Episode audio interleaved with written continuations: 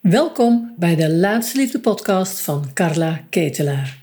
In deze aflevering geef ik je mijn inzichten en adviezen over het vinden en houden van een gezonde liefdesrelatie. En waarom het je tot nu toe niet gelukt is en wat er nog nodig is, zodat jij ook jouw eindman of eindvrouw in je armen kunt sluiten voor de relatie die je zo graag wilt. Heel graag wil ik de presentaties onder de aandacht brengen die we hebben op social media, op onze WhatsApp, LinkedIn, nou op allerlei kanalen eigenlijk presenteren we ons. En wat volgens mij heel vaak onbewust is, is hoe dat overkomt als je aan het daten bent. Er komt heel veel voorbij, hè? want we vinden eigenlijk altijd dat we, ja, we moeten onszelf kunnen zijn en de ander moet ons maar nemen zoals we zijn. Maar wat je eigenlijk neerzet is een eerste indruk van jezelf die afstand kweekt of afstand kan kweken. Ik ben ervoor op het moment dat je aan het daten gaat, dat je kijkt of je zo neutraal mogelijk jezelf kunt presenteren. En neutraal bedoel ik mee geen kinderen, geen honden, geen gekke bekken trekken. Want een eerste indruk maak je tenslotte maar één keer.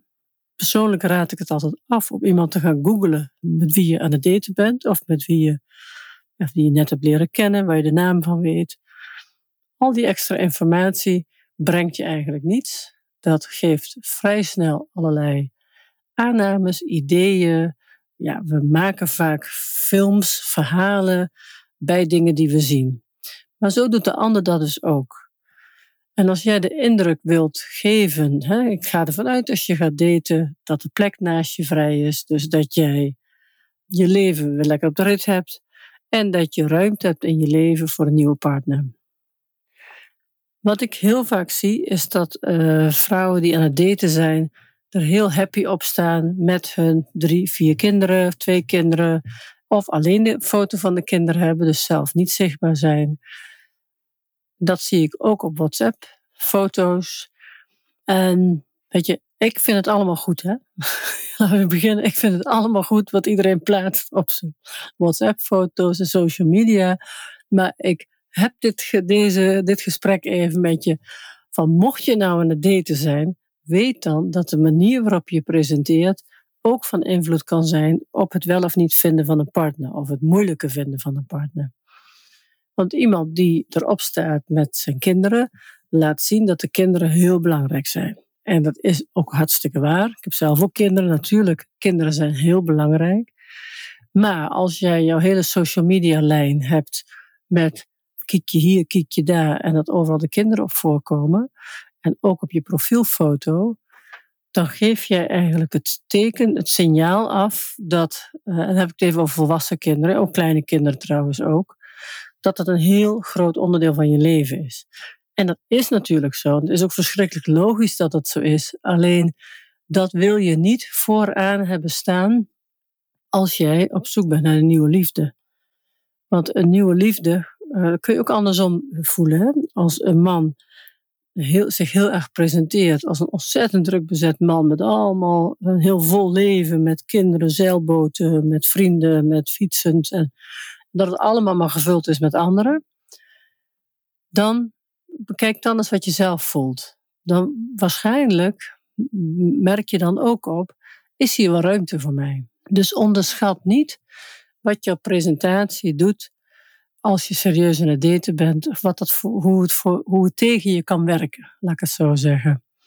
Ja, dat zit hem een beetje in, in dat, dat, dat wat ik heel vaak terughoor. Hij moet me maar nemen zoals ik ben. Ja, dat is allemaal wel leuk. En dat is ook wel goed bedoeld. En dat gaat het ook zeker zo zijn. Maar dit gaat over eerste kennismakingen. Als jij een man treft die zich altijd het lekkerste voelt in een t-shirtje en spijkerbroek. Nou, dan kan het een hele leuke vent zijn. En helemaal gezellig en prima dat hij dat thuis doet. Maar jij wilt heel graag met hem ook eens op een andere manier tevoorschijn kunnen komen. Dus als jij alleen dat ziet van hem en op alle foto's enzovoort enzovoort dat ziet, weet dan ook dat het andersom ook zo werkt. Als jij in je lekkere joggingpak op de meeste foto's staat, dan wek je ook de indruk dat dat jouw wereld is. En dat, er, eh, dat is de eerste indruk die de ander van je krijgt. Dus als je op je tijdlijn eens kijkt, wat staat daarop? Wat straalt daaruit? Straalt daaruit dat er ruimte is in je leven? Uh, kijk eens hoe je er zelf op staat. Straal jij eruit dat jij uh, ja, aandacht aan jezelf besteedt? Heb jij, ja, uh, het gaat niet om knap of niet knap, of daar gaat het allemaal niet over, maar heb jij een aantrekkelijke uitstraling? En dat gaat over, nou, glimlachen. Is jouw tijdlijn gevuld met anderen, met dieren, met nou, die hele uitstraling? Dat is eigenlijk van wezenlijk belang voor jouw presentatie. En dan zullen mensen, ik zal zeker weer reacties krijgen. En dan ze van ja, maar moet alles dan om het daten draaien? Nee, niet alles draait om het daten.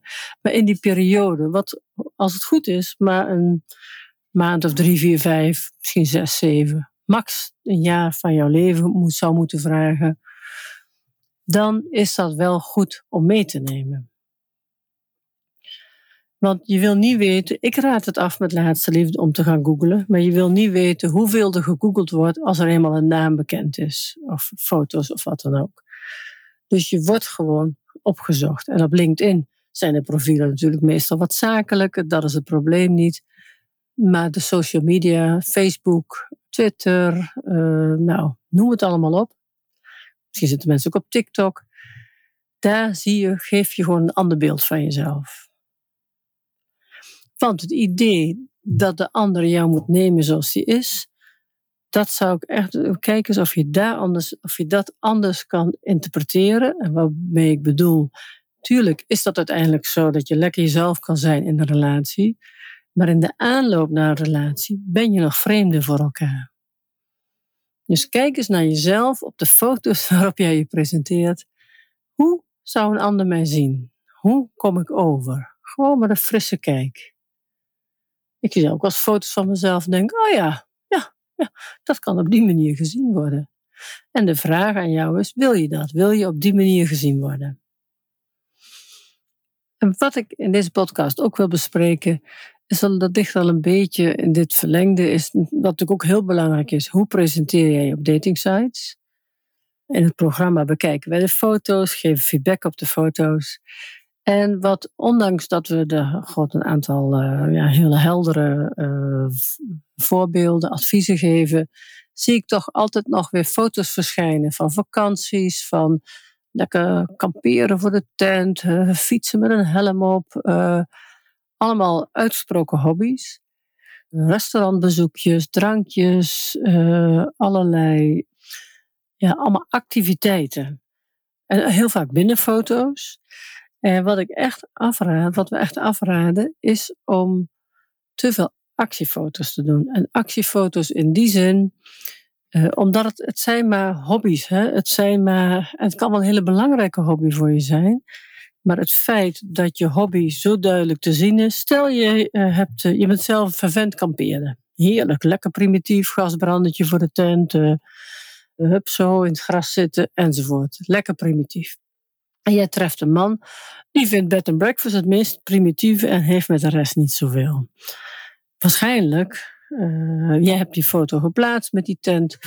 En een man die jou eigenlijk een hartstikke leuke vrouw vindt, maar dan, die dan die foto's ziet en denkt, oh nee, dit is een echte kampeerder, daar heb ik niks mee. Dus wat je krijgt is dat je op een buitenkant ding, op een persoonlijkheidsvoorkeur, zeg maar, over kamperen of hoe je je vakantie doorbrengt, een soort plaatje neerzet wat jouw voorkeur is. En we zijn nou eenmaal visuele uh, mensen, dus wij, kijken sowieso wat we zien, is wat we direct opslaan. Dus die man concludeert eigenlijk direct: dit is niks voor mij. Want niet iedereen heeft de kennis van laatste liefde, dat we verder moeten kijken dan uh, alleen de, de persoonlijkheidskenmerken, dus wat iemand doet en leuk vindt enzovoort. Is allemaal niet het belangrijkste voor een relatie. Wat het allerbelangrijkste is, zijn de zes karaktereigenschappen. In zo'n situatie als een vakantie, daar ga je oplossingen voor vinden. Daar ga je, of dat jij een ontzettende fietsfanaat bent en de ander die doet het liefst lange, lange afstandswandelingen. Dat lijkt enorm belangrijk verschil, maar dat is in een relatiesfeer totaal niet belangrijk. Ook daar vind je oplossingen voor. je gaat, dat is ook het leuke van de relatie. Je gaat je eigen blikveld verbreden. Wie weet, ga jij eens aan die lange afstandswandeling meedoen en krijg je hem enthousiast voor uh, jouw enorme fietstochten. Dus de wereld wordt sowieso breder. En daarbij komt, je hoeft niet alles samen te doen. Ook een vakantie, daar ga je ook oplossingen voor vinden. Als je ontzettend graag een paar weken per jaar kampeert, doe dat lekker met een vriendin of alleen zoals je het nu doet, of met je kinderen of wat dan ook. Niet alles hoeft gedeeld te worden. Er zijn zoveel weken in een jaar waarin je dingen samen kan doen. Dat hoeft niet altijd allemaal gedeeld te worden. En de ervaring is, want ik heb, help natuurlijk al tien jaar vrouwen, de ervaring is dat het uiteindelijk niet belangrijk is en dat er altijd een soort midden gevonden wordt. Ik ken mensen die laten, die mogen om het jaar kiezen wat de vakantie wordt.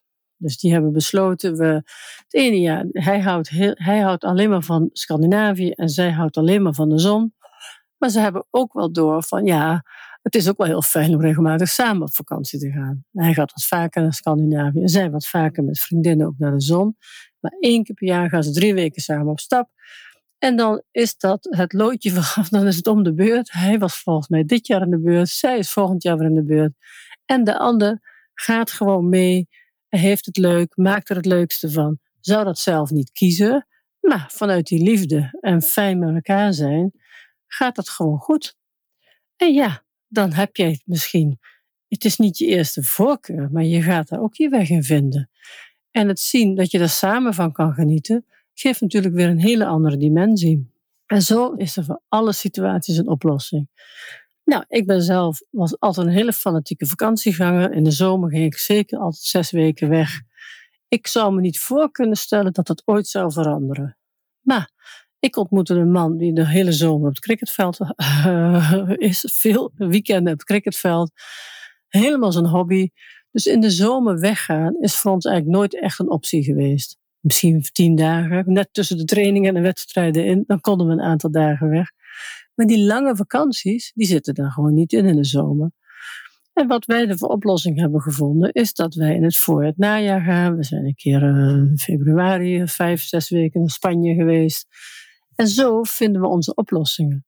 En in de zomer doe ik een leuke cursus of ik ga met mijn vriendin op stap.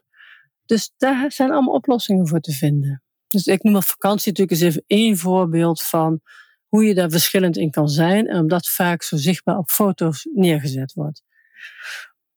Dus mijn, mijn bericht, mijn, mijn mijn bericht, mijn boodschap in deze podcast is: onderschat niet de kracht van foto's. Dus hou foto's op je datingsite zo neutraal mogelijk. Dus zorg dat je, en vooral zorg dat je erop lacht. Zorg dat je laat zien dat je zin in het leven hebt. En het liefst een paar foto's buiten. Want de foto's die je binnenmaakt, ook daar zit heel vaak alweer een aanname of een oordeel in. zoals we ook naar de foto's van een ander kijken. Stel dat die een wat antiek interieur op de achtergrond heeft. We kunnen zomaar denken dat hij er zelf woont. En denken, ja, dat is zo'n man met zoninrichting. Nou, dat is niks voor mij. Dat is allemaal ouderwets. Wie weet is het bezoek bij zijn moeder. Weten wij veel. Maar we laten wel weer iets lopen vanuit een aanname. Dus bekijk de foto's van de ander met een milde blik, want we weten niet precies wat erachter zit. We weten niet precies hoe dat, ja, of hij thuis is of niet thuis is. Of, uh, nou, oké, het is een fietser, die hebben een wandelaar. Dus met deze kennis die je zeg maar via Laatste Liefde dan nu hebt, bekijk zelf de foto's met milde ogen, waarvan je kan zeggen, oké, dat is niet het allerbelangrijkste. Maar voorkom, want de ander die deze kennis niet heeft, kijk dus niet anders. Dus voorkom dat de ander jou invult op een bepaalde manier, waardoor je een match misloopt. Dus, nogmaals, geen foto's van vakanties, geen eten, geen drinken, geen uh, kinderen, geen dieren. Gewoon jij in de natuur. En dan een aantal mooie foto's waar je lekker op lacht en waar je ook een keer goed met je hele lijf te zien is. Dat raad ik je aan. En op social media, scroll je eigen social media nog eens even goed door. En bekijk eens even met ogen van een ander. hey, hoe kom ik eigenlijk over op mijn social media? Straal ik uit dat ik ruimte heb voor een partner?